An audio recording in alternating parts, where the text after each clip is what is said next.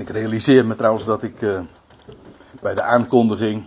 Ik heb, ik vanmorgen, of vanmiddag, wanneer was het? Nee, vanmorgen heb ik op Facebook nog eventjes een aankondiging op de EH. In het EH koffiehoekje gedaan. En toen heb ik gezegd van, ja, het, het is een heel heftig hoofdstuk. Het heftigste hoofdstuk, denk ik, van het hele boek De Openbaring. Nee, dat weet ik wel zeker.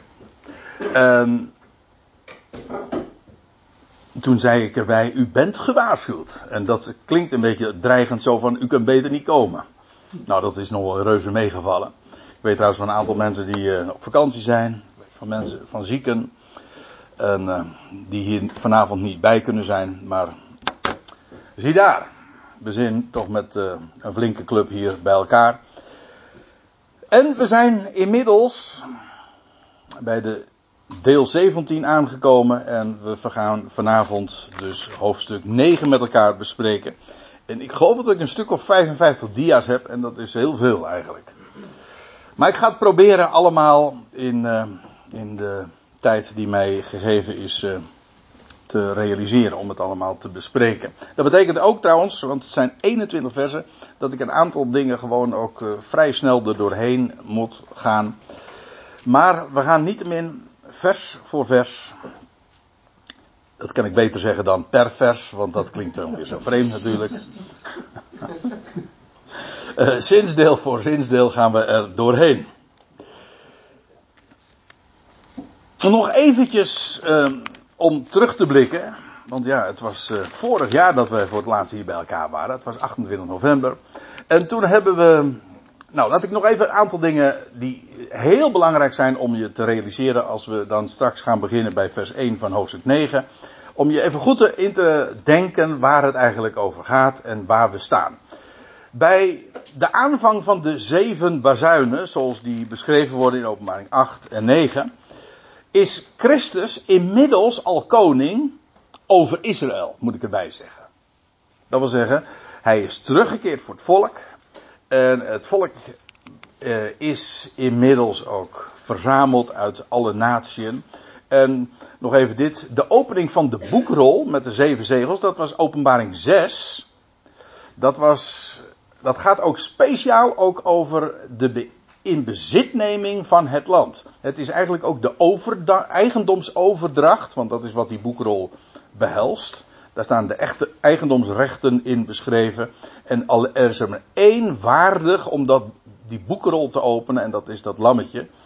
Die bij nader inzien de leeuw van Juda blijkt te zijn. Maar hij opent die boekrol. En met het openen van die boekrol. Van al die zeven zegels. Is het land uh, in zijn daadwerkelijke bezit gekomen. En dan in openbaring 7 wordt beschreven hoe Israël als volk, als grote schare uit alle volkeren, talen en natieën wordt verzameld. En vervolgens uit die grote schare, dat is het, uh, het tweede deel van de openbaring 7, uit die grote schare uh, wordt een groep van 144.000 jonge mannen, mag ik aannemen, geselecteerd. 12.000 uit elke stam van Israël, zodat de identiteit van die groep volstrekt helder is. Israëlitisch uit het huis van Jacob. En zij worden geselecteerd en ook verzegeld. Dat is heel belangrijk. Ze worden namelijk beveiligd voor alle rampen die over de wereld nog zullen komen. Niet over Israël. Want die is inmiddels in, in veiligheid en, in, in gerustheid ook uh, terechtgekomen. Maar die 144.000 die worden geselecteerd uh, waarom? Om het koninkrijk uit te bazuinen. Dat is een aardige uitdrukking in dit verband. Onder de natieën. Dat is openbaring 7. En dan, oké, dan zijn de zegels geopend. En dan vervolgens moet het jubeljaar aangekondigd worden. Namelijk het zevende millennium. Het millennium, zo u wilt, maar dat is het zevende. De Zabbatdag, waar ik in mijn gebed eigenlijk ook nog op wees. En u weet hoe dat gaat als het, uh, als het jubeljaar aanbreekt. Ik geloof ook echt dat het millennium zal beginnen met een jubeljaar, letterlijk. Maar dat is een punt apart. Over de chronologie hoop ik de volgende keer wat meer te kunnen zeggen. Want dat, daar is nog veel meer over te melden dan dat ik vanavond kan en ga doen. Maar die bazuinen. Oh ja, dat, laat ik mijn zin even afmaken. De het jubeljaar wordt altijd aangekondigd met bazuingeschal. Allerlei andere gelegenheden en manifestaties ook. Maar het jubeljaar staat ook, dat, wordt, dat begint met zeven bazuinen.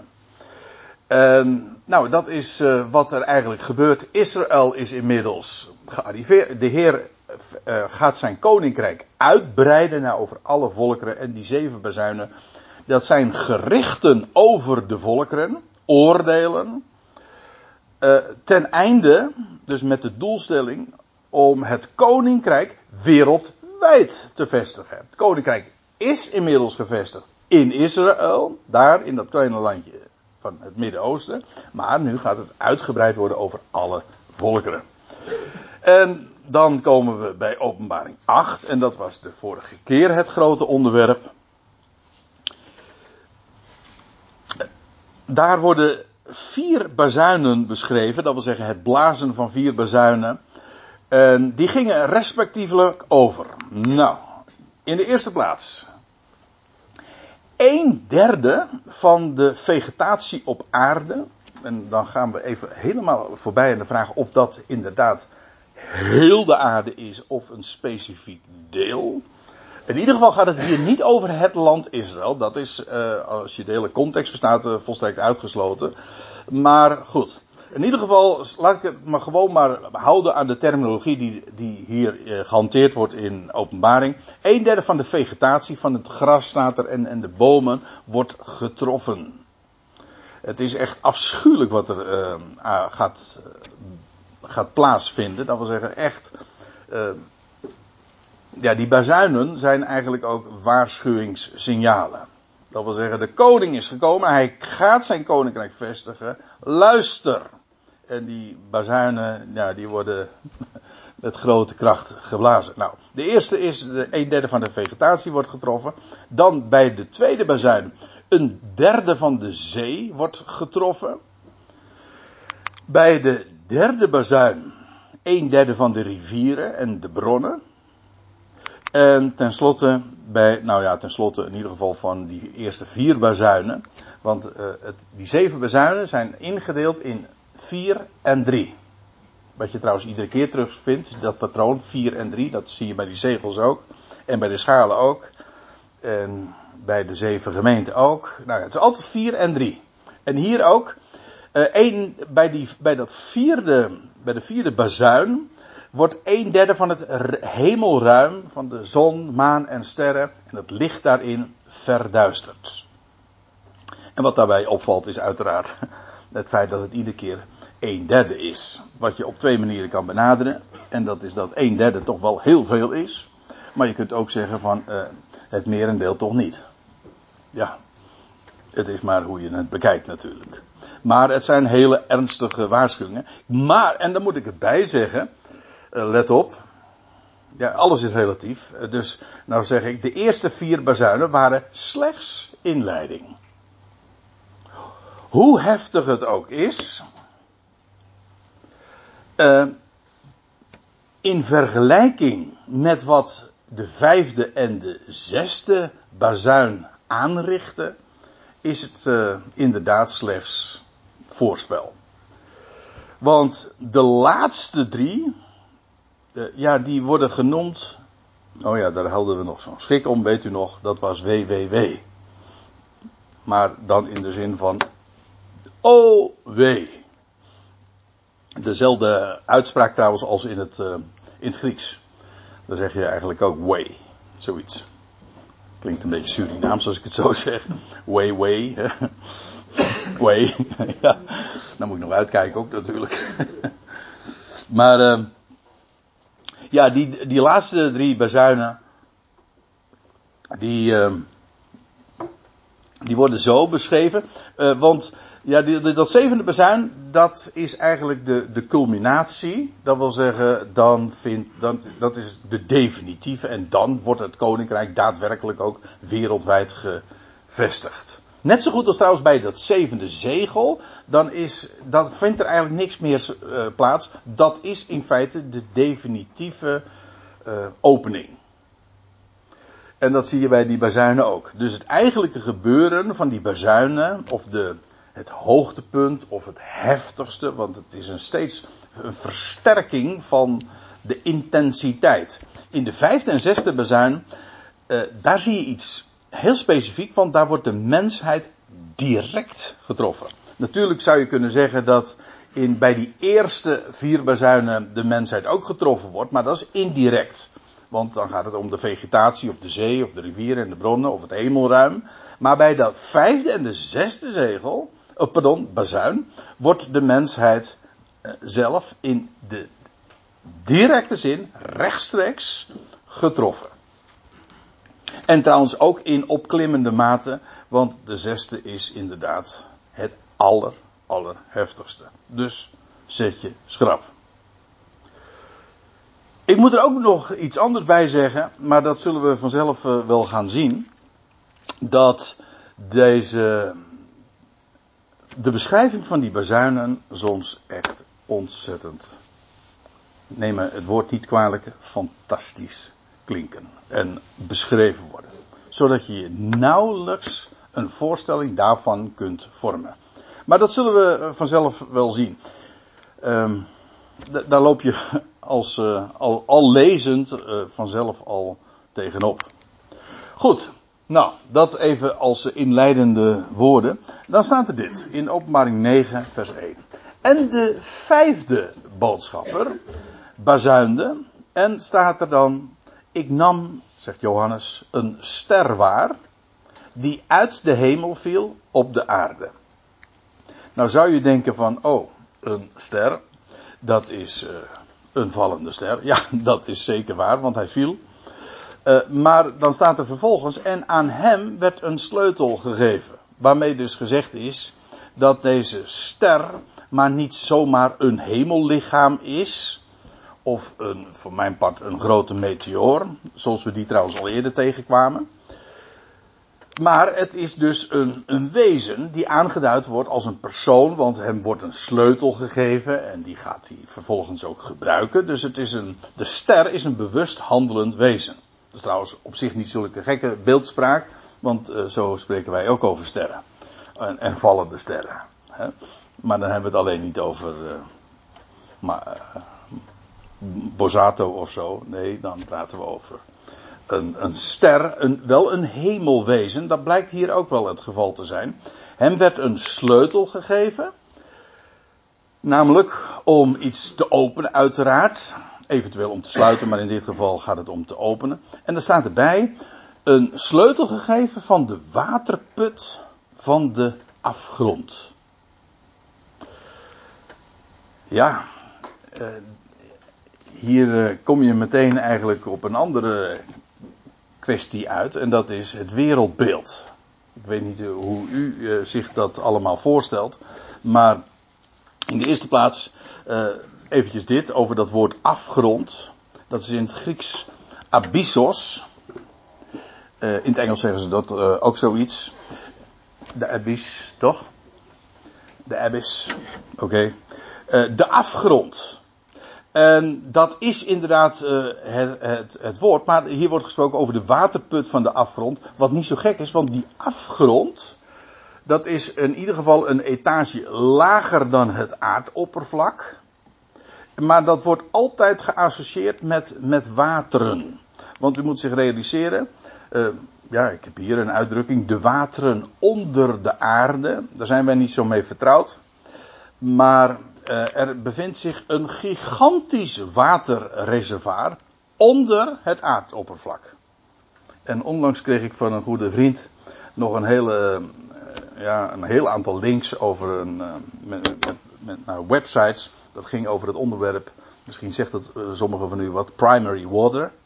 Dat gaat daar ook over hoe er nog veel, dat is ongelooflijk ik, ik, ik, ik heb er alleen maar als leek kennis van genomen, maar er blijkt nog veel en veel meer water onder het aardoppervlakte zich te bevinden dan in de zee, in al die oceanen bij elkaar. Onvoorstelbaar.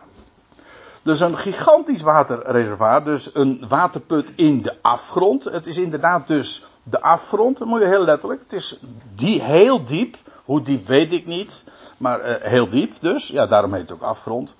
En ja, daar, uh, eigenlijk voor de eerste, het eerste Bijbelvers of tweede Bijbelvers wordt daar al aan gerefereerd. Hè, over de, over de abyss. Dat in de Septuagint wordt daar dat woord ook al gebruikt over de, de geest gods zweefde over de water, over de afgrond staat er dan. En dan wordt dat woord ook in de, in de Griekse versie ook gebezigd. En later, in de dagen van Noach, bij de grote vloed, dan lees je ook niet alleen maar dat uh, het water van boven kwam, maar dat de kolken van de waterdiepte en van de afgrond, geloof ik dat er ook uh, gezegd wordt, dat die zich opende en dat die dus de hele aarde, zeg maar, vulde met water. Dus daar beneden, daar, is, daar is heel veel water. Ja, een waterput. De waterput van de afgrond. Die onderwereld, want laten we hem, we kunnen hem ook zo noemen. Die onderwereld wordt ook bewoond door duistere krachten. Die onderwereld, de abyss of de, de afgrond, die wordt in het boek Openbaring diverse keren genoemd. Ik, geloof niet eens dat ik compleet ben in, in, de, in het aantal versen dat ik hier vermeld. Uh, in een paar versen later, in uh, 9-11, ja, wordt er ook over gesproken. En later, je leest over het beest ook. Over het beest, dat, dat komt uit, dat is heel eigenaardig, het beest uit de zee, dat is openbaring 13. Daarvan later wordt later gezegd in openbaring 17, dat hij uit de afgrond komt. Weer die associatie van zee en afgerond. Min of meer worden ze als synoniemen zelfs gebruikt. Maar uh, dat is dus inderdaad een onderwereld. Beneden, een, een duistere krachten. En uh, wat uh, we lezen ook over de, de, de grote tegenstander, de diabolos. Dat al wanneer het millennium aanvangt, eh, dat hij gebonden zal worden en geworpen zal worden in de afgrond. En die afgrond wordt trouwens dan afgesloten. Zodat hij in duizend jaar lang niet in staat zal zijn om de volkeren te verleiden. Ook dan wordt gesproken over de afgrond. Sterker nog, dan begint zelfs eigenlijk de telling van de duizend jaren. Want het is eigenlijk niet, het is niet het duizendjarig koninkrijk. In, wezen, het koninkrijk is hier ook al begonnen ook geopenbaard op aarde. Maar wat er geteld wordt is het aantal jaren dat Satan niet in staat zal zijn om de volkeren te verleiden. Of dat hij gebonden zal zijn en zich zal bevinden in de afgrond. Dat is wat uh, geteld wordt, die termijn. Oké, nou, we gaan even verder. Hem werd een sleutel gegeven aan van de waterput van de afgrond. En hij opende de waterput van de afgrond. En rook steeg op vanuit de waterput als rook van een grote smeltoven. Wat de aard van die rook is, is dat damp. Lijkt mij niet. Uh, alleen in ieder geval, want er wordt er vervolgens ook gezegd. En de zon en de lucht werd verduisterd vanuit de rook van de waterput. Dus daar is, uh, daar is meer dan alleen maar water, van, sprake van, van waterdamp.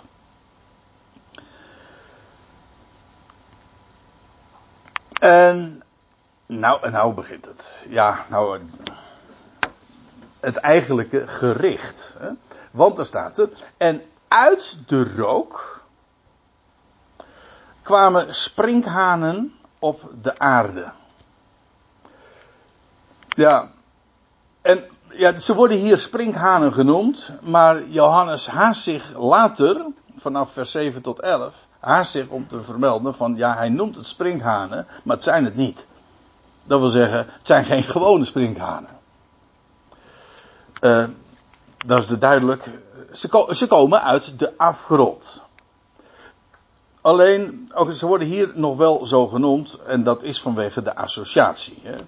Uh, sorry? Ja, en ook. Uh, dat wat ze aanrichten. Nou ja, uh, laten we, laten we gewoon eventjes de beschrijving maar volgen zoals die hier gegeven wordt. En aan hen die sprinkhanen dus, werd volmacht gegeven, autoriteit. Zoals de schorpioenen van de aarde volmacht hebben. Dat wil zeggen, die krijgen ook, die zijn in staat, die worden in staat gesteld om de mens te pijnigen. En die volmacht, die, die vergunning krijgen, uh, ja, die vergunning krijgen deze sprinkhanen ook. Uh, dat blijkt wel, want dan staat er, en tot hen werd gezegd om niet het gras van de aarde te beschadigen, nog enige groen, nog enige boom. En dat is toch wat sprinkhanen eh, normaal gesproken geacht worden te doen. Maar dat, worden, dat doen ze juist niet. Ze doen iets anders, maar alleen de mensen te beschadigen dus. Maar alleen de mensen. En hier zie je dus precies wat ik zojuist al eventjes bij de inleiding na, naar voren bracht. Hier in, bij het vijfde en het zesde, de vijfde en de zesde bezuin, wordt de, wordt de mensheid direct zelf getroffen. En dat zie je bij die sprinkhanen ook, die, die wat gaan ze doen? Uh, wel, ze treffen de mensen en er staat erbij, maar alleen de mensen, uh, ja, dat wil zeggen met één uitzondering, die niet het zegel van God op de voorhoofden hebben. Dan weten we meteen over wie het gaat, want dat was precies in hoofdstuk 7 het onderwerp. Namelijk, er werd een, die selectie uit, het, uit, het, uit dat volk, wat die grote schade die niemand tellen kan uit alle naties, wel, uit hen werden 144.000 ver, uh, verzameld of uh, geselecteerd. En ze werden verzegeld, en een vooroverleesje, zodat zij niet getroffen zouden worden door de plagen die over de aarde nog zouden komen. Nou zou je zeggen van ja, als die 144.000 gewoon op in het land zouden blijven, dan zouden ze sowieso daar niet door getroffen worden. Maar het punt is, die 144.000 gaan erop uit. En dat wil zeggen, ze komen buiten het land terecht. Maar, en, en nou komt het, dat is precies ook de reden waarom ze verzegeld worden. Beveiligd worden. Ze, zij worden niet getroffen door de plagen die de aarde nog zullen treffen. Dus uh, hier ook over die springhanen. Ik doe maar even zo tussen aanhalingstekens. Ja, die beschadigen de mensen zoals schorpioenen dat uh, doen dezelfde, dezelfde soort pijn uh, geeft dat. Er is één groep die daarvan uitgezonderd is en dat is uh, zij die het zegel van God hebben. Zij hebben een taak en zij worden daarvoor beveiligd. Hen treft niets van deze plagen. En aan hen, die springhanen dus, werd gegeven om hen uh, niet om hen, en dat gaat het dus over de mensen in het algemeen, om hen niet te doden, maar om vijf maanden lang te kwellen. Ja. Uh, dat doden, dat, dat vinden we trouwens in de volgende, zee, uh, in de volgende bazuin. Uh, het is ik zei al, het is in feite een opklimmende intensiteit. Hier worden de mensen, bij het vijfde bezuin, worden de mensen beschadigd, maar ze worden, sorry, ze worden niet gedood. Ze krijgen dus uh, geen license to kill, om zo te zeggen. Nee, ze krijgen de vergunning, de volmacht, om, de termijn wordt ook genoemd, vijf maanden lang uh, hen te kwellen. En ik heb, ik weet niet of u, een van u, dat wel eens die ervaring hebt heeft gehad om, om gebeten te worden door een schorpioen. Nee, oh, dat zijn er niet zo heel veel, nee. Of u wilde er niet over spreken, dat kan natuurlijk ook nog.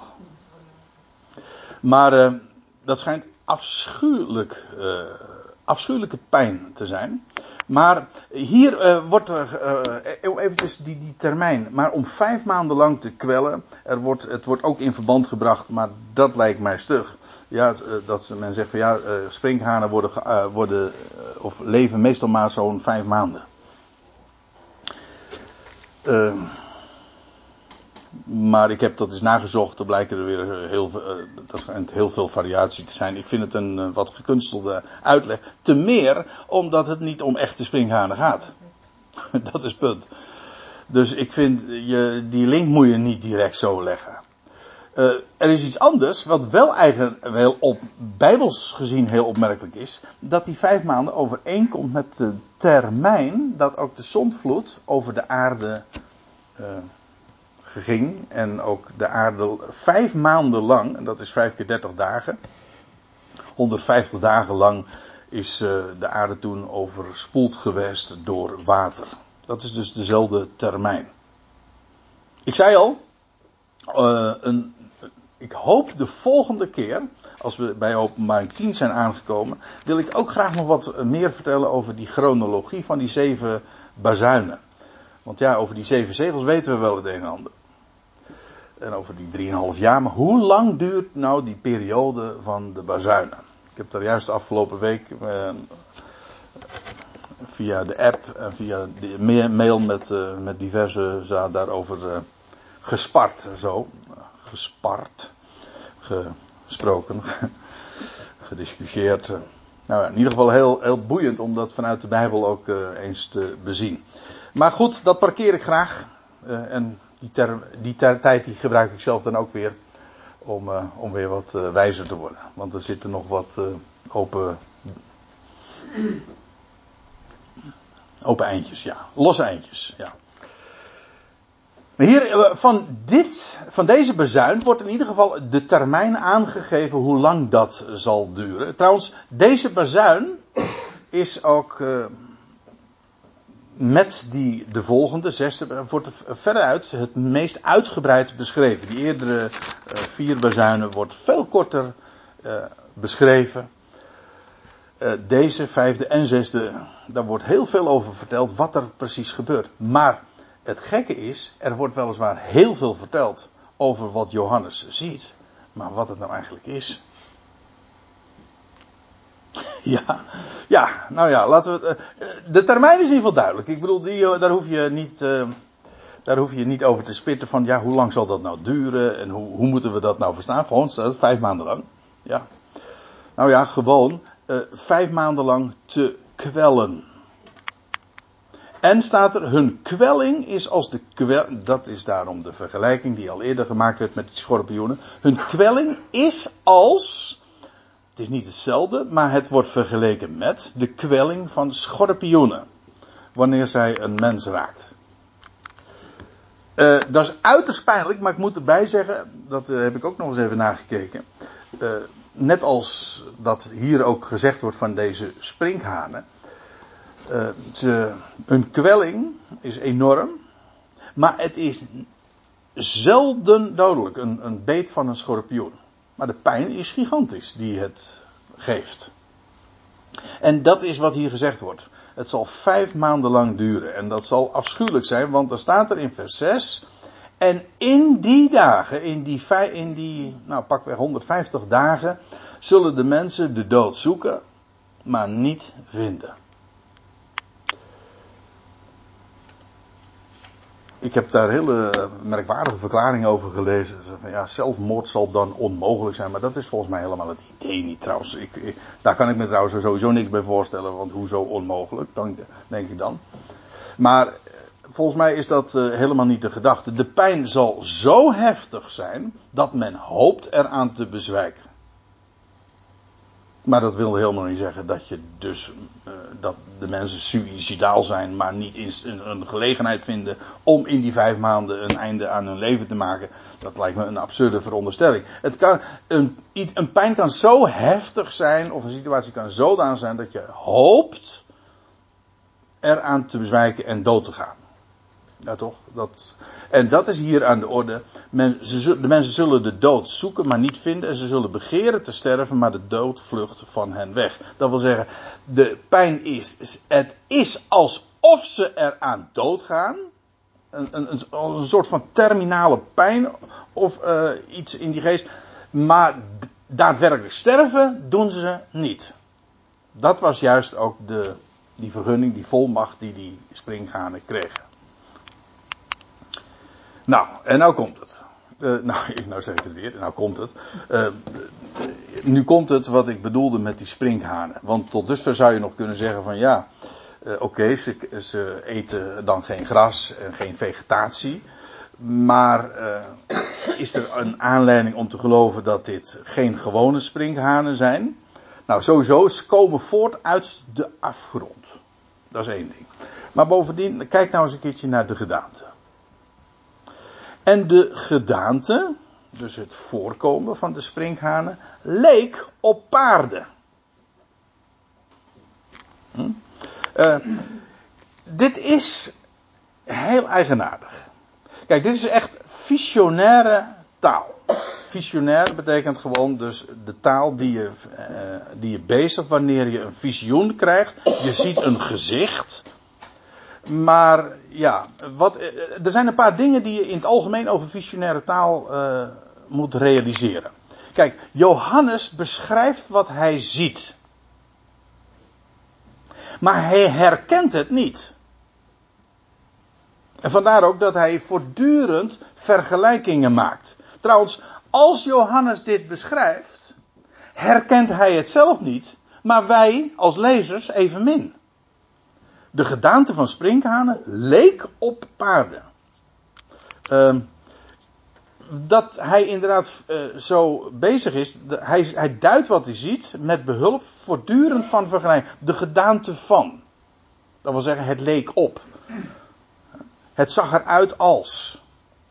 Maar, ja, nou moet je, je, zou daar even eigenlijk, voordat je daar nu wat dieper op ingaat, of voordat we nu verder gaan, je moet eventjes bedenken dat iemand uit de eerste eeuw, Johannes leefde in de eerste eeuw, die wordt verplaatst naar, daar gaan we even vanuit, de 21ste eeuw. Hè, vlak voor het zevende millennium. En, die, en hij, hij, werd geplaatst, zo lazen we dat toch in openbaring 1. Hij, hij, werd, hij werd verplaatst in, of naar de dag des Heren. Dat wil zeggen, hij maakt gewoon, nou gewoon, zo gewoon vind ik het niet, maar hij maakt een tijdreis. En dan vervolgens aanschouwt hij een wereld. En moet je voorstellen dat jij dan die wereld moet beschrijven. Moet je voorstellen dat iemand uit de middeleeuwen uh, hier nu ineens een tijdreis maakt en die komt gewoon in 2020 aan. En die, en die, en die, gaat, een, die gaat een beschrijving geven van wat hij hier ziet. Het begint al op straat. Hij ziet auto's, hij kijkt omhoog en hij ziet vliegtuigen. Moet je je voorstellen dat je dat nooit zoiets hebt gezien. Dan zie je ineens, dan zie je ineens wagens rijden zonder een paard ervoor. En dan zie je vogels, die heb ik nog nooit gezien. Het lijkt wel metalen vogels. en groot, gigantisch. En een herrie. Nou ja, weet je, dat soort dingen. Dat, je moet je. Hij kan niet zeggen, ik zag een vliegtuig. Want hij. Hij, hij zegt. Want uh, dat is wat uh, Johannes ook doet. Hij zegt niet wat het is. Hij zegt wat hij ziet. En dan moet hij zich bedienen met de terminologie die hem vertrouwd zijn. Hij herkent het niet en moet u nagaan, want dat vind ik eigenlijk wel heel opmerkelijk hierin. Wij die nu in 2020 leven, en ik ga ervan uit dat het allemaal niet heel kort, binnenkort, dat het zevende millennium gaat aanbreken. Dan zou je zeggen van, dan zouden we inmiddels dit toch wat moeten begrijpen. Maar ja, zelfs wij begrijpen op dit moment nog niet wat hier aan de hand is. Er moet nog het een en ander gebeuren voor, uh, ja, voordat deze dingen, ja sowieso, uh, ik bedoel de zegels moeten nog over worden. Er gaan nog een heel aantal jaren uh, vooraf voordat dit zijn beslag zal gaan krijgen. Maar wat hier gebeurt, die sprinkhanen, tussen aanhalingstekens, die hij ziet, hij, en dat is in het algemeen wat ik er even over gezegd wil hebben, hij vertelt dus niet wat het is. En zelfs wij in 2020 kunnen, uh, ja, ja, je kunt je, je moet, je hebt fantasie nodig om dit te kunnen voorstellen. Als, als je zegt van, ik zag, en de gedaante van de sprinkhanen leek op paarden die voor de oorlog gereed gemaakt zijn. Dus het heeft iets inderdaad van een strijd. Uh, ja, het maakt een hele. Een, een, het is een oorlogssetting in een, in een soort van militaire uh, context. Maar in ieder geval, het leek op paarden. Ja, ik hoorde iemand anders, uh, ik, dat, dat, is al een tijd geleden, dat ook zo'n gedachte-experiment gedaan werd van iemand uit de middeleeuwen die verplaatst werd naar een operatiekamer in, de, in het ziekenhuis. En, en, ik zag, en ik was in een kamer, En daar waren allemaal mensen met groene pakken.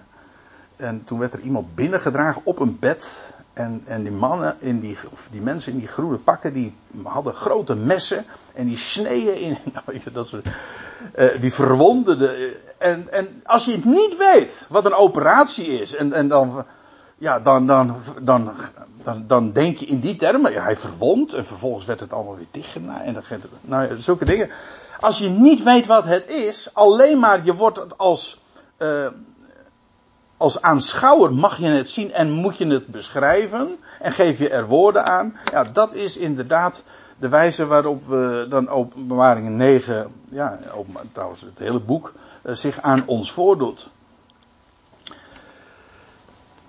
En het, we het, je zal het pas herkennen op het moment dat het inderdaad waarde uh, gewoon zich uh, gaat voltrekken. Dan zeg je, ah, nou begrijpen we, nou begrijpen we openbaring 9. Nou zien we het namelijk zelf. Dat.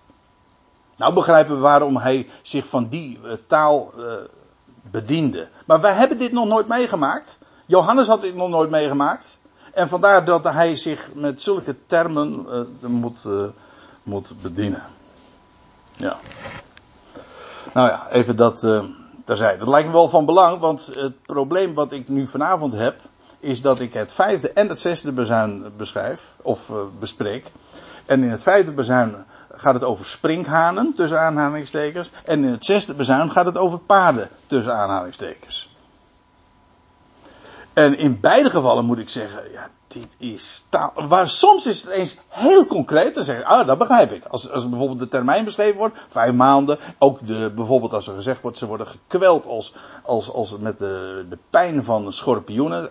Oké, dat is heftig, maar ik bedoel, dat, is, dat tart niet de, de, de, de voor, je voorstellingsvermogen. Je kan het je zo heel gemakkelijk voorstellen. Maar dit, het fenomeen zelf dat hij ziet, dat, dat, dat begrijp je niet.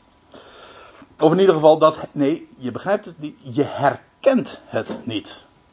Je herkent het pas, en dat geldt trouwens met een heleboel dingen, uh, waarvan je dacht, uh, ik bedoel, als er staat van, uh, had jij het nog onlangs niet erover dat jij naar me toe kwam en zei van het is eigenlijk opmerkelijk dat dat uh, in de openbaring 11 ook uh, beschreven wordt over, over die getuigen die dan, en dan staat er dat heel de wereld zal zien dat ze daar op het tempelplein liggen. Hoe kan de hele wereld dat nou in vredesnaam zien? Ja, eeuwenlang, duizend jaar lang hebben mensen zich zo'n vraag gesteld. Maar nu kunnen we verkijken. Dat heet televisie. Ja, nu kunnen, dus, ik, dus, is helemaal niet zo gek meer. En dan, en op het moment dat zulke ontwikkelingen, in feite heb je het over technologie, ja, zich voor dan doet, dan, dan, dan laat het zich verstaan en dan, dan tart het ook niet meer je, je, je voorstellingsvermogen. Goed. Zo leken de sprinkhanen er dus uit te zien. Ze leken op paarden. En ja, de beschrijving wordt nog, blijft heel bizar. En op de hoofden van hen lauwerkransen als op goud gelijkend en hun gezichten als gezichten van mensen. Ja, ik zeg nog eens, hij beschrijft wat hij ziet en niet wat het is. En ik moet u zeggen, ik vind het knap frustrerend als bijbelleraar om nou, ik had het liefst gezegd van weet je wat het is? Dit is het. Maar kan ik niet. Ja, ik excuseer me als, als je zegt van, ja, oh André, is het je dan helemaal ontgaan? Het is gewoon dit, man. Oké, nou dan moet u na de pauze even naar me toe komen. U mag nou ook uh, opstaan trouwens. Afgelopen zondag, toen sprak ik in Urk. Toen, uh, op Urk moet ik zeggen natuurlijk. Uh, toen ging het over, over allerlei ja, stukken op het schaakbord, zeg maar, die gezet worden. de het hele eindtijdscenario. En toen hadden we het over, over het ging het over Edom. Ja, Edom, dat, Edom, dat is dat gebied dat ten zuiden van, van, van Israël ligt. E, e honderden jaren, zo niet duizend jaren, eigenlijk sinds het begin van ons jaar, was eigenlijk één grote woestijn, meer niet. En maar Edom blijkt nog een hele belangrijke rol te spelen in het hele Bijbelse eschaton, zoals dat met een duur woord heet. Gewoon in dat hele eindtijd gebeuren. Dus ja, uh, op een of andere manier moest Edom er weer komen. En wat blijkt, en dat vond ik nou zo, dat vond ik dan weer erg mooi om dan om over die dingen te vertellen. Uh, sinds een jaar of uh, vijf, zes, zeven, acht is er weer een, wordt Edom gewoon letterlijk weer op de kaart gezet en wordt er een gigantische stad gebouwd daar aan de westkant van Saudi-Arabië tegen de Rode Zee aan. En dat project heet 2030. En dat dat, dat is een, een enorm luxe stad waar Dubai nog eh, bij in het niet gaat zinken. En de Saoediërs eh, die, eh, die zetten daar al hun kaarten op omdat een prestigeproject. En ineens, we altijd hebben gedacht, Edom, Edom. Hoe, hoe kan Edom nog een rol spelen? Ja, nou, Edom moest dus nog op de kaart gezet. En dat wordt ook daadwerkelijk. Net als wat er met Israël gebeurt is, met Jeruzalem en, Jeru en met Libanon en met Egypte en met Syrië. Het is allemaal weer op de kaart gezet in één eeuw tijd. En nou is Edom er ook. En dat vind ik nou mooi als ik dan Bijbelstudie geef. Dan zeg van, kijk, Edom, ja, nee, wacht even. En binnenkort gaan we dat ook met Babel beleven. Ja, ik, ik ben daar vrij zeker in hoor. dat gaan we beleven. Maar tot die tijd moet je, moeten we ons excuseren. Ja, ik weet het verder ook niet. Het enige wat ik kan doen is, als we het hebben over de zesde bezuin, of pardon, de vijfde, uh, sprinkhanen. Ja, nou ja, ik, uh, ik, zou zeggen, hou je ogen open. Want tegen de tijd dat ze zich aandienen, zijn, we, zijn wij trouwens een etage hoger. Ja, ja, dat een verschil moeten zijn, want zij komen uit de afgrond, maar wij gaan naar boven. Goed, en op de hoofden van hen lauwe krans als op goud gelijkend en een gezicht als gezichten van mensen. En zal de haren, als de haren van vrouw, lang haar. Uh, en hun tanden waren als tanden van leeuwen. Zie je, allemaal die, die, vergelijkingen. Maar wat het nou is. Uh, ja, ik, ik, kan er wel, ik kan wel trouwens een aantal vragen zo voorleggen. Wat het zijn. Zijn het genetische manipulaties? Vergis je niet trouwens, hè. Er wordt in, er is, de, de, technologie, dat hebben we de laatste eeuw gezien, die, die, het, het vermogen dat is, van wat je ziet aan ontwikkelingen, dat is exponentieel. Dat wil zeggen, het gaat maar niet zomaar iedere stapje voor stapje verder. Nee, het, in sneltreinvaart, dat zie net als met allerlei andere ontwikkelingen, met de wereldbevolking, gaat ook stijgt exponentieel. Toen ik geboren werd, toen waren er nog maar, nog maar 2 of 2,5 of 3 miljard mensen. Nu 7, zoveel geloof ik, als ik me niet vergis. En ik las uh, vorige week nog iets van nog, en die schreef in 1935 een boek. En hij had het over, er zijn al 1 miljard mensen. En wij hebben er inmiddels, moet nagaan, nog geen eeuw geleden waren 1 miljard mensen. Nu, inmiddels, zoveel. En dat, dat stijgt dus niet zo van elke 100 jaar wat meer. Nee, dat gaat er ineens en dat zie je ook bijvoorbeeld in de technologie en, zo, en genetische manipulatie. We gaan, wat, is, wat ik wil zeggen is, uh, je, je, je, zou zeggen, er is niet zo heel veel tijd nog te gaan voordat ze deze dingen hun beslag moeten gaan krijgen. Maar er gaat nog ook een enorme uh, ja, ontwikkeling plaatsvinden, ook op het gebied van technologie, genetische manipulatie. Uh, waar men ook enorm ver al mee is. Zijn dit spirituele manifestaties? Ja, ik, ik, zet maar wat vraagtekens.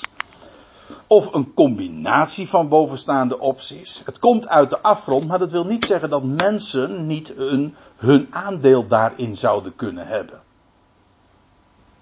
De maar goed, ik durf daar verder ook geen uitspraken over te doen ik, eh, ik, ik roep de vragen op, eh, die, die doen zich vanzelf eigenlijk aan je voor. Eh, op het moment dat je erover gaat nadenken, ja, wat is het en waar, waar gaat het eigenlijk over? Of wat zou het kunnen zijn?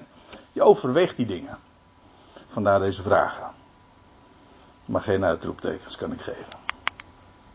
En nog zoiets. En ze hadden borstharnassen als, ijzer, als ijzeren borstharnassen. Dus dat wordt op een of andere manier dan beschermd. En het geluid van hun vleugels was als het geluid van strijdwagens, van vele paarden rennend ten oorlog. Doet me een beetje denken aan waar ik het net over had. Die middeleeuwer die in de, in de huidige tijd gezet wordt en die naar vogels kijkt en die zegt van.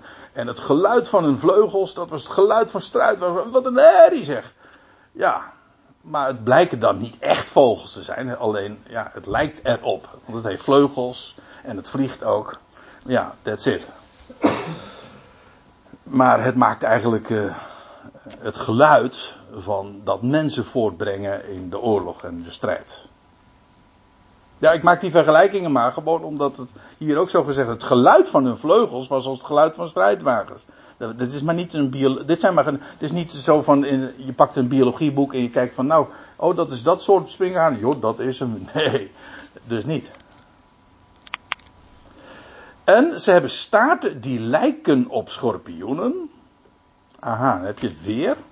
En u weet, uh, het gevaar zit, de angel zit in de staart. Dat is bij schorpioenen het geval. De angel, en ze lijken op schorpioenen en de, en de angels in hun staarten. En ze hebben de volmacht, de vergunning, de exousia, de mensen vijf maanden te beschadigen. Te kwellen wordt op een andere plaats eh, gezegd. Op uh, eerder hebben we dat gezien. En daar zie je trouwens nog iets waarin ik absoluut zeker weet, voor zover je nog niet overtuigd was, dat dit inderdaad maar geen biologische uh, variëteit is binnen de, de, familie van de sprinkhanen. Zij hebben een koning over zich. Nou, ik zal je dit vertellen, sprinkhanen hebben geen koning. Hoe weet je dat? Nou, dat kan je in elk oog, uh, biologieboek bezien. Het, net als mieren, die hebben ook geen leider. Uh, maar sprinkhanen ook niet. En dat staat zelfs letterlijk zo in de Bijbel, in Spreuken 30 vers 27 staat het. In de MWG-vertaling leest dat. De sprinkhanen hebben geen koning. Toch trekken ze gezamenlijk in goede orde op. Hey, en deze wel. Zijn er dan geen gewone sprinkhanen? Nee, precies. Het zijn geen gewone sprinkhanen. Het, het doet zich zo voor, maar dat he, het heeft bepaalde vergelijkingen. Dat is waar, maar het zijn het niet. En die koning, zij hebben een koning over zich, en dat is de boodschapper, de boodschapper van de afgrond. Dat wil zeggen, hij heeft daar toch de, de leiding, het is zijn domein. En dan, die wordt bij name genoemd en zijn naam is in het Hebreeuws Abaddon. En in het Grieks heeft hij dezelfde naam, alleen klinkt hij dan anders. Maar het heeft dezelfde betekenis, zo bedoel ik het. Heeft hij de naam Apollyon. Is het dan een bekende van de, van de Hebreeuws? Ja. Waarvan zijn bestaan al wisten? Waarom wordt de naam in het Hebreeuws gegeven? Dat is een goeie. Uh, is dit de naam die uh, men. Ik bedoel, Israël is inmiddels hersteld. Is dit de naam die uh, men aan dat fenomeen daar in Israël geeft? Ja, ik doe maar wat. Het is toch de taal van, van het volk daar. Weet ik niet. Waarom beide namen, of de naam in het Hebreeuws en het Grieks hier wordt weergegeven. De, de, beide talen trouwens waarin wij ook onze Bijbel hebben. In het Hebreeuws en het Grieks. In het Grieks heeft die, heet hij uh, Apollyon, ik weet het niet. Ja, maar waarom dat verder genoemd is? wist wie dat was. Dat, die, dat, dat, er niet, dat het niet op dat moment wordt. Oh, dat, dat hij het al wist. Ja, ja dat, ook dat blijkt niet direct uit de tekst hier. Het enige is dat hij zijn naam kan vertellen, melden. In, in het Hebreeuws en in het Grieks. En uh, dat Apollyon, het, net als trouwens dat uh, Abaddon, het heeft dezelfde betekenis. Het betekent namelijk verwoester of verderver. Verloren gaan. Het, het, het, woord verloren gaan heeft hier ook trouwens nog mee te maken in het Grieks. Maar dat is dus eigenlijk ook verwoesten, verderven met dat soort associaties. Uh, het he, ons woord Apollo, ja, ook de naam van de Griekse godheid, de Griekse mythologie, Apollos. En het Apollo-project, alleen, uh, ik, ik, ja, ik moest er zo aan denken, want de Apollo heeft uh, bij ons te maken met het hemelruim, maar met de NASA dus. Maar hier die Apollyon, die komt juist, dat heeft te maken met, met de afgrond. Ja. En ik ken mensen die. Uh, ja, nou aarzel ik om, om daar wat meer over te zeggen. Ik ken mensen, laat ik het uh, voorzichtig zeggen, die zeggen van nou, dat hele Apollo-project, dat komt ook uit de afgrond. Maar zullen we het daar even maar niet over hebben. Goed. Zo heet hij. En dan staat er nog bij, het ene wee is voorbij. Ja, dat was, u weet het, na de vierde wordt gezegd, wee, wee, wee. Over de, dat wat gaat komen. En dat zijn de, vier, dat zijn de vijfde, de zesde en het zevende, de zevende bezuin. Nou, nu is dat ene wee, de eerste namelijk, is inmiddels gepasseerd. Die vijf maanden zijn voorbij met die wonderbaarlijke springhanen uit de afgrond. Uh, die de mensen zo zullen kwellen.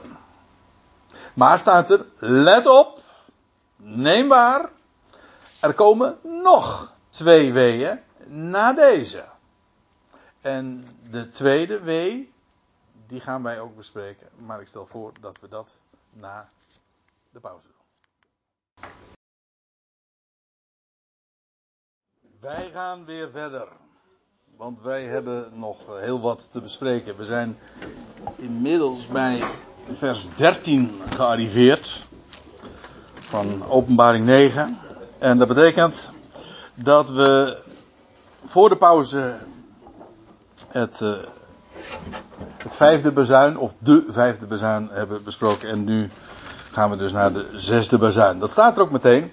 En de zesde boodschapper, de zesde engel, zo u wilt, die bazuinde. En staat er, ik hoorde één stem vanuit de vier horens van het gouden altaar dat in het zicht van God is. Die, eh, dat gouden altaar, dat was al een keertje eerder genoemd, en wel in hoofdstuk 8, vers 3, bij de inleiding van de, de bazuinen. En het is, het, die, dat gouden altaar wordt daar verbonden met en geassocieerd met de, de gebeden van de heiligen, van het heilige volk. Die worden daar eh, voor God gebracht.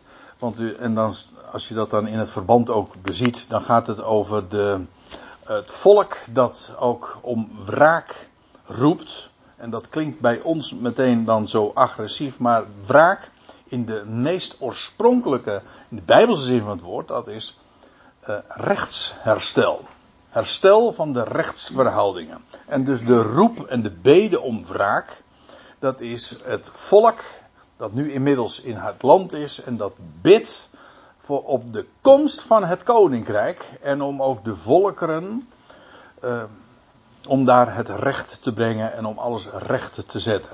En, en ik vind het toch wel een prachtige gedachte om daarbij stil te staan, juist ook als we bij de inleiding van, dat, van die zesde bazuin, dat we goed ons moeten realiseren dat dit allemaal van Gods wegen is. En het gaat om rechtsherstel. En het gaat ook niet buiten dat gouden altaar om. Dat wil zeggen, God wordt, uh, is aan het werk.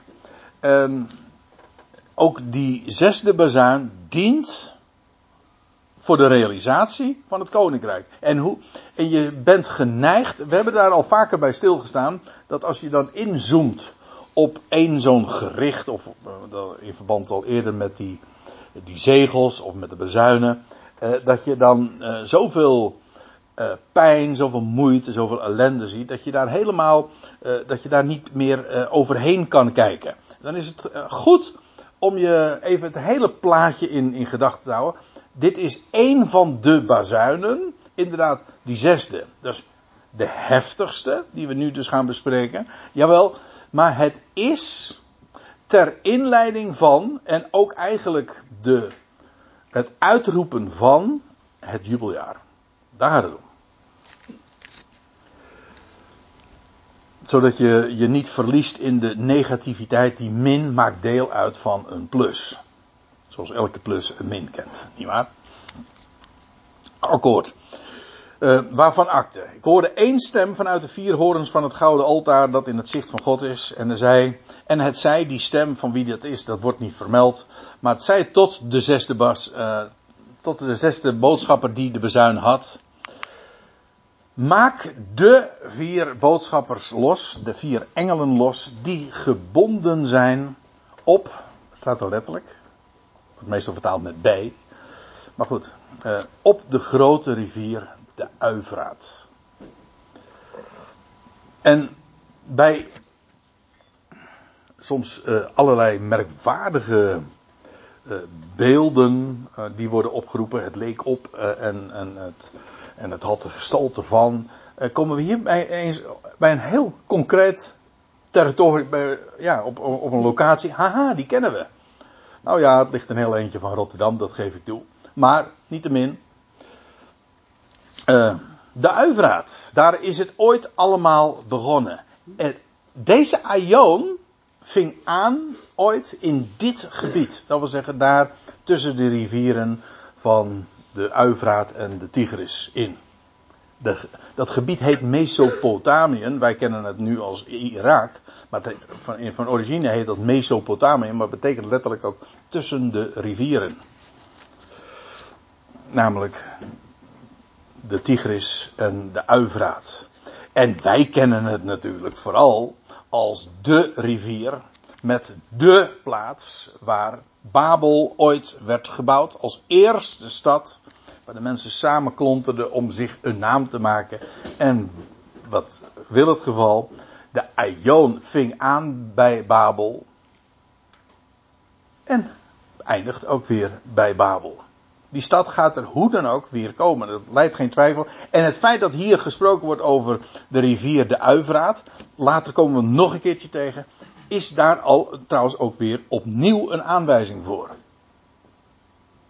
En daar, dat terrein, dat is, ja, dat is eigenlijk het epicentrum, zeg maar, van, de hele, van het hele boek, de openbaring. Daar vinden, de, daar uh, zal ook dat beest met die tien koningen, die tien volkeren, is allemaal gegroepeerd daar in het Midden-Oosten en heeft als centrum, een van de centra, is ook inderdaad daar bij de rivier de Uivraat. Dezelfde locatie waar ook uh, nou ja, nee, dat was aan de Tigris natuurlijk, waar uh, af vorige week die Iraanse nummer 2 is uh, beschoten. En dat was in Bagdad, ja. Maar dat ligt 80 kilometer boven Babel. Alleen, dat, Babel ligt aan de Uivraat en Ira, of Bagdad, zeg je het goed? Babel ligt aan de Uivraat en Bagdad ligt aan de Tigris. Maar dit is trouwens ook een aanwijzing weer te meer dat we de stad Babel, Babylon, of Babel, de ene is Hebreeuws, de andere is Grieks, uh, heel letterlijk moeten nemen. Wat blijkt hier is dat, eh, wat hier blijkt is dat ook die rivier de Uivraat en dat wat hier plaatsvindt, ook een poort is, een portal, zo, om zo te zeggen, naar de onderwereld ik, spreek nu ook weer over dingen waar, eigenlijk, waar ik verder niks weet uh, over te melden. Ik weet dat er een afgrond is. Ik weet dat er een onderwereld is. Ik weet ook dat die een waterput bevat. Dat waterreservoir. Er is een onderwereld. We hadden het in de pauze nog even over. Waar ook inderdaad geesten zijn. Uh, vooral inderdaad uh, de, van het kwalijke soort. Waar, ook, waar ze ook gevangen worden gehouden. Petrus spreekt erover. Judas spreekt erover. Het wordt ook genoemd de Tartarus. Of dat helemaal hetzelfde is, dat denk ik niet. Maar in ieder geval allemaal die afgrond, de onderwereld. En hier wordt gezegd van. Uh, maak de vier boodschappers los, engelenwezens, die gebonden zijn op, bij de grote rivier de Uivraat. En de vier boodschappers werden los, ze worden uh, losgelaten. En het feit dat het er vier zijn, dat uh, wijst op de, als u het mij vraagt, op de wereldwijde impact. Want vier is het getal ook van de wereld. Dat wil zeggen, het gaat naar de, het noorden, het zuiden, het oosten en het westen. De vier hoeken, de vier windhoeken van de aarde. Ze werden losgelaten, die gereed werden, waren gehouden voor het uur en de dag en de maand en het jaar. Vind ik nou zo apart. Over timing gesproken. Dus daar zijn vier geestelijke wezens die zich onttrekken aan onze ogen. En als je materialistisch bekijkt, dan zeg je, oh, dan zijn ze er ook niet. Maar het feit dat wij zo gehandicapt zijn, moet je niet de conclusie uittrekken dat er dus niet meer is, omdat wij ze niet zien.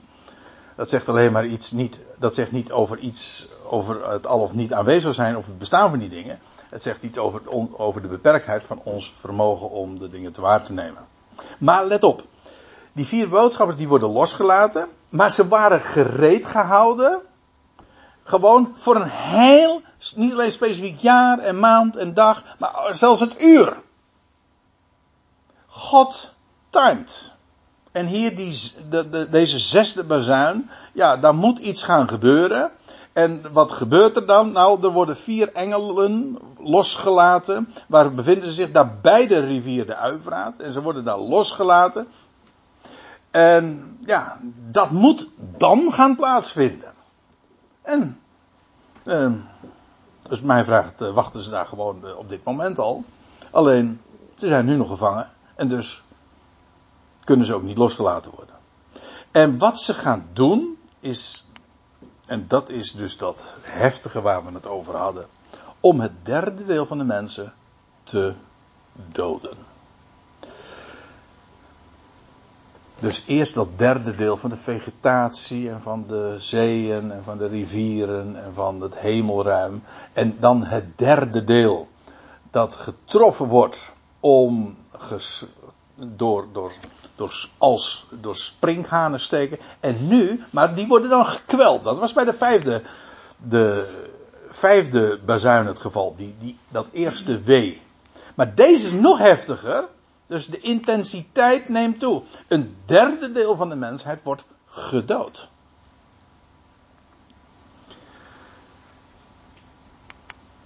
En het staat erbij, en het getal van de legers, van de ruiterij, was 2 maal 10.000 van 10.000.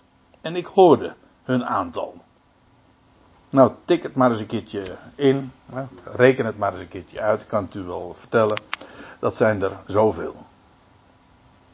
200 plus 6 nulletjes. 200 miljoen. En dat is, ja. Daar kun je niks meer voorstellen natuurlijk. Want als ik zeg. Uh,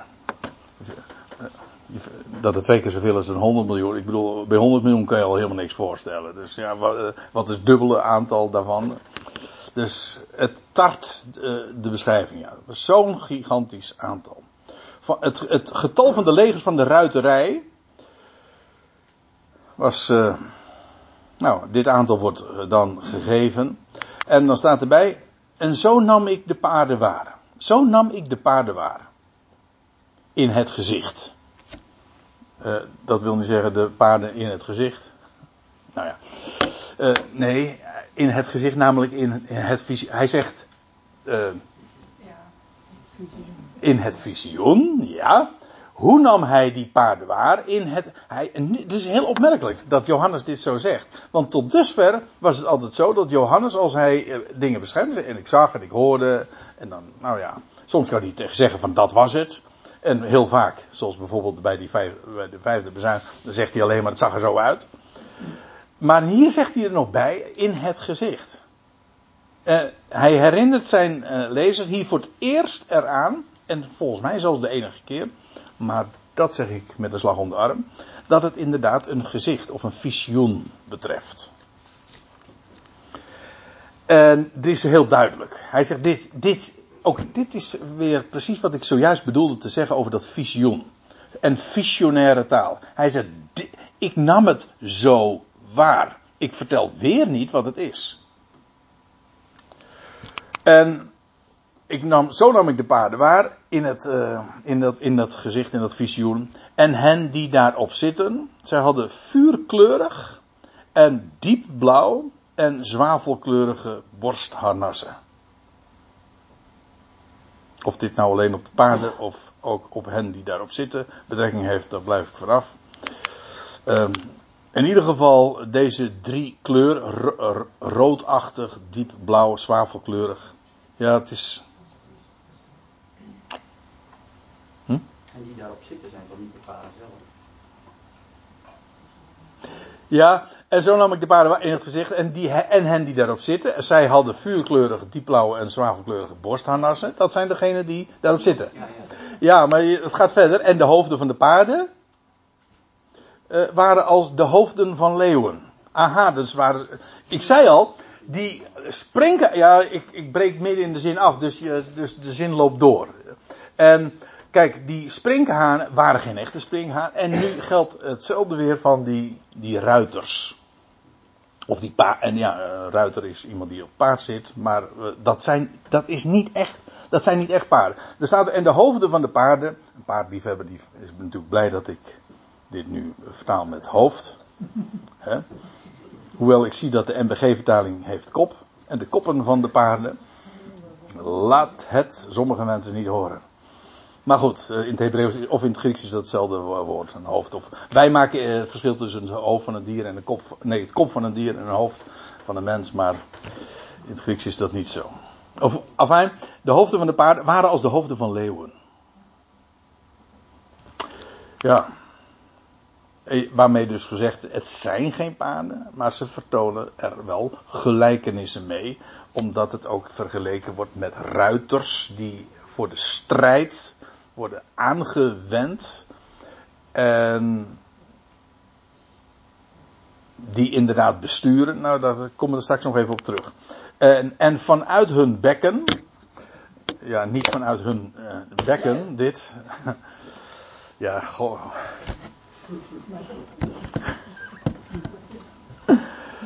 ja. eh, en vanuit hun bekken, ja, dat is eh, hun, hun monden, precies. Eh, waaruit wel weer blijkt dat dit inderdaad. Dit is, eh, hier wordt gesproken over een oorlog, maar dit is geen conventionele oorlog. Dat blijkt wel uit de wijze waarop beschreven. Zodat zelfs de taal waarin Johannes zich dit bedient, ook wij herkennen dit nog niet of nauwelijks. Maar goed, daar hadden we het al eerder over. Vandaar ook eh, dat eh, in die zin het vijfde, de vijfde en de zesde bazuin, de springhanen en die paarden, is een beetje dezelfde categorie. In beide gevallen worden er een soort dieren aangeduid, maar in beide gevallen is het dat niet. Het vertoont er alleen gelijkenissen mee. En vanuit een bekken kwam eh, vuur en rook en zwavel. En dat correspondeert dan weer met die kleuren van die harnassen trouwens. Want ja, dat was vuurkleurig, diepblauw en zwavelkleurig. En als je dan vraagt, maar wat betekent dat dan verder? Ja. Nou ja, gewoon. Het enige wat ik kan zeggen is, eh, ik, ik, zie eh, die gelijkenis. Het is opgetekend eigenlijk ook voor degenen die, eh, die het nu lezen. Oké, die worden er opmerkzaam op gemaakt. En het is pas duidelijk op het moment dat het vervuld wordt. Dan, wordt, dan zul zal het herkend worden. En dan staat er nog bij, vanwege deze drie rampen werd het derde deel van de mensen gedood. Namelijk door het vuur, de rook en het zwavel. Dat vanuit hun bekken kwam. Een derde deel. We hadden het zojuist even over de wereldbevolking. En even vanuitgaande dat het inderdaad over de mensen in het algemeen gaat. En eerlijk gezegd begrijp, zou ik niet echt een goede reden weten waarom dat niet het geval is. Dan praat je dus inderdaad dat de wereldbevolking gedecimeerd wordt. Miljarden. Ja, als je uitgaat van de huidige wereldbevolking, is dat 2,5 miljard. Dit is.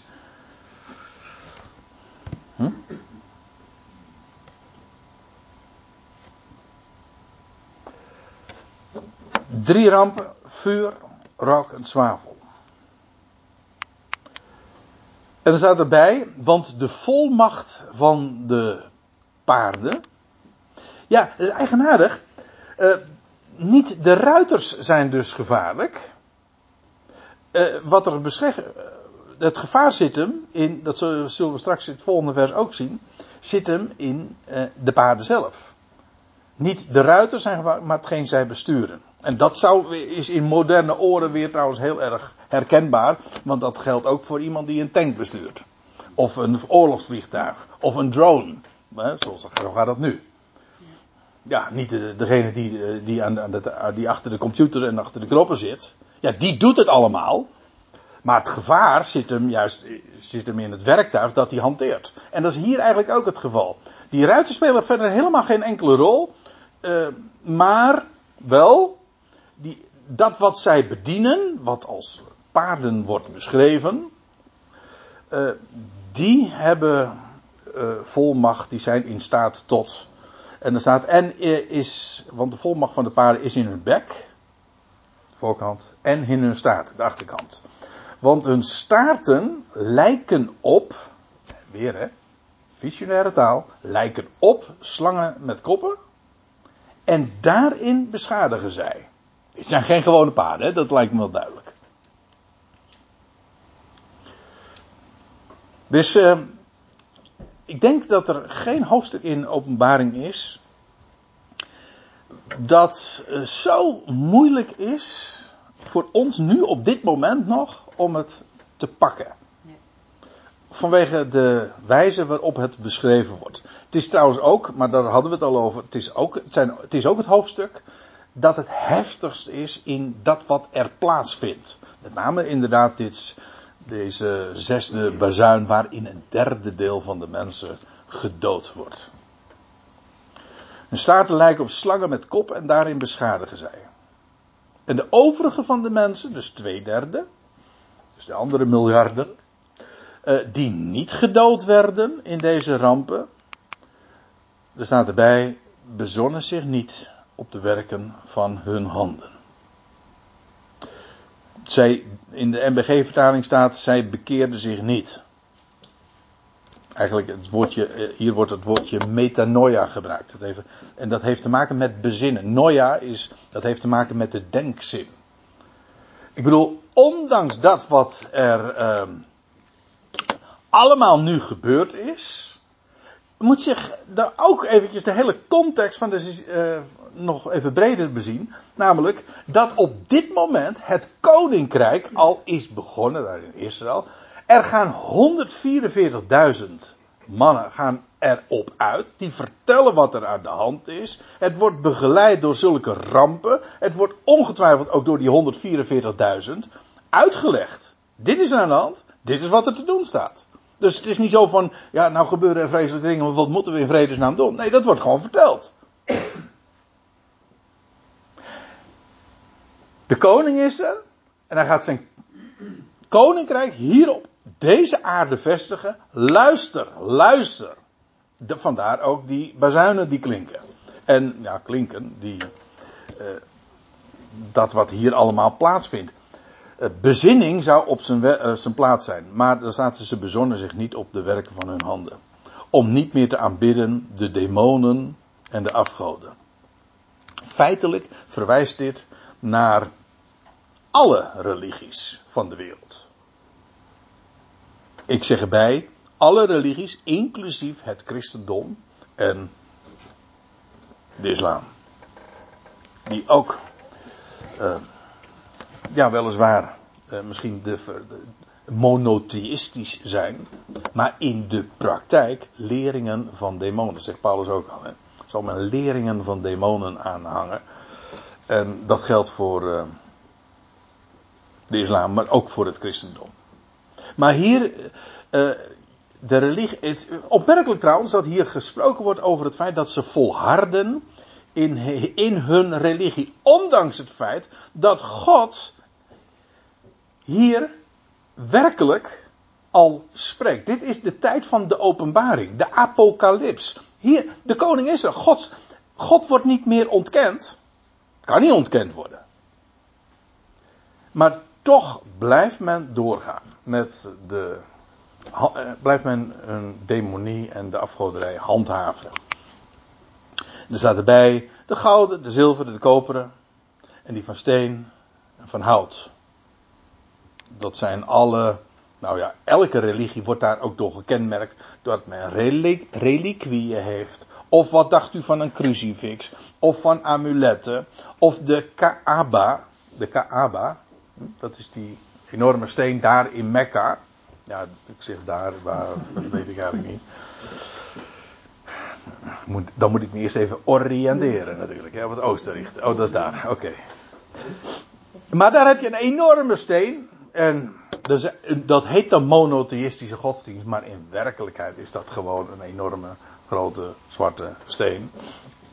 Waar eh, dat afgodisch vereerd wordt. Inderdaad, een, een god of demon van steen. Feitelijk achter, zulke afgoden uh, zijn uh, geestelijke machten ook, demonen. Maar uh, het grote punt is, wat, waarom zijn ze. Waarom heb je er niks aan? Nou, staat erbij die niet kunnen kijken. Die goden, die, goden die zich, zich zo aandienen, die men zo vereert. Ze kunnen niet kijken, nog horen, nog wandelen. Ja, dat is de grote, het grote verschil met de levende God. Die inderdaad zijn weg gaat en die inderdaad ziet en die hoort en die handelend optreedt en die nu ook inderdaad verschijnt. Dat is wat de apocalyps is. En zij bezonnen zich niet. Nou ja, dat is de herhaling. Ze bezonnen zich niet. Ondanks die oorverdovende bezuinen. En ondanks het getuigenis van de 144.000. Onvoorstelbaar toch? Ze bezonnen zich niet, de zin moet, loopt door, op hun moorden. Ik denk dan ook aan de hele oorlogsmachinerie.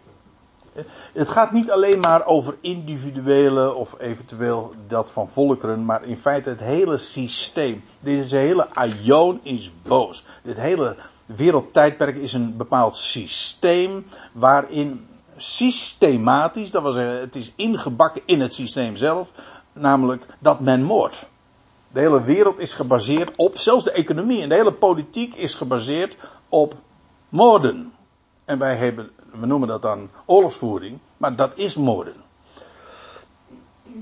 Ik zeg niet per definitie altijd, maar in de praktijk worden uh, oorlogen ook uh, gewoon al uh, bedisseld. Dat is een bekend gegeven. Gewoon achter de schermen wordt dat allemaal door de grote magnaten en door de oorlogsindustrie wordt besloten wanneer een oorlog begint en ook weer wanneer het moet ophouden. Gewoon allemaal vanwege dit.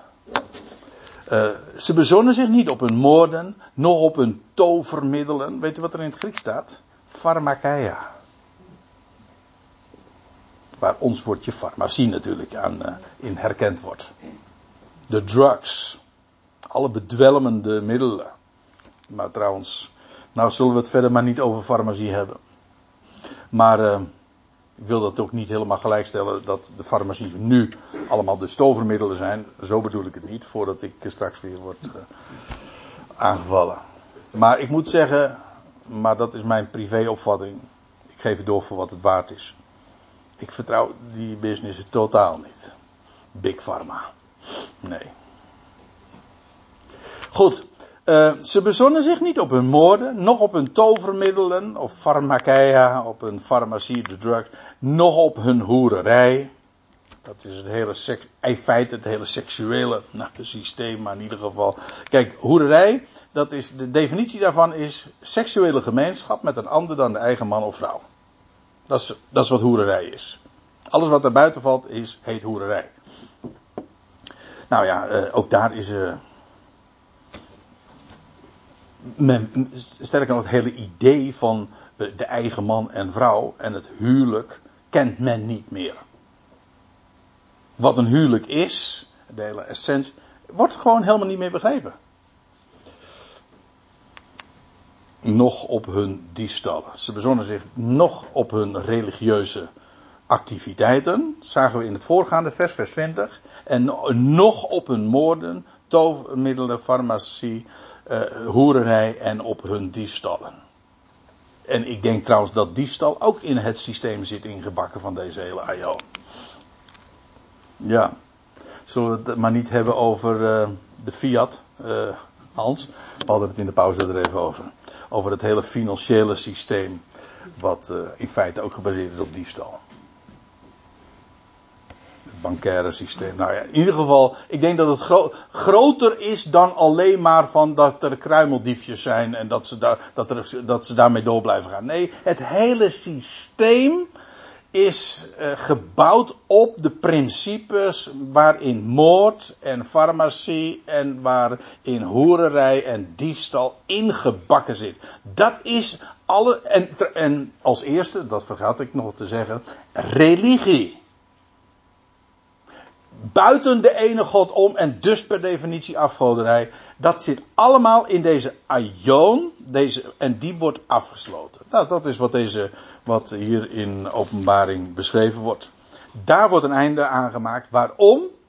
Wel, om een nieuwe aion te doen aanvangen. Een hele nieuwe tijd. Een compleet nieuwe tijd. Gebouwd op recht en gerechtigheid. De erkenning van de ene God. Dat gaat een ongelooflijk tijdperk worden. Maar voordat die uh, transitie heeft plaatsgevonden. Die hele om, de wisseling van de wacht.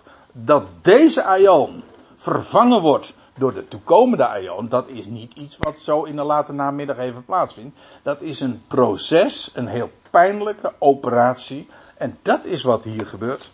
En beschreven wordt. En we, vanavond hebben we dan ook die laatste, of nee, niet de laatste bezuin. Dat is wat we pas in hoofdstuk 11 zien. Maar uh, die zesde bezuin, dat is de heftigste. Nou, we hebben hem inmiddels uh, besproken. En wonder boven wonder, had ik nooit verwacht. Ik dacht dat wordt een gevecht met de klok. Maar uh, zie daar, 10 voor 10. Hebben we toch 21 versen besproken. Dat hebben we wel eens een keertje heel wat langzamer gedaan. De volgende kan ik inmiddels ook aankondigen. Dat is nog deze maand. Deo Volente uiteraard onder dat voorbehoud. En dan gaan we het 30 januari hebben over het geopende boek. Trouwens, dat zijn maar 11 versen. Maar, moet ik zeggen. Het zijn maar 11 versen. Maar, uh, daar staat wel heel veel in, in dat boekje.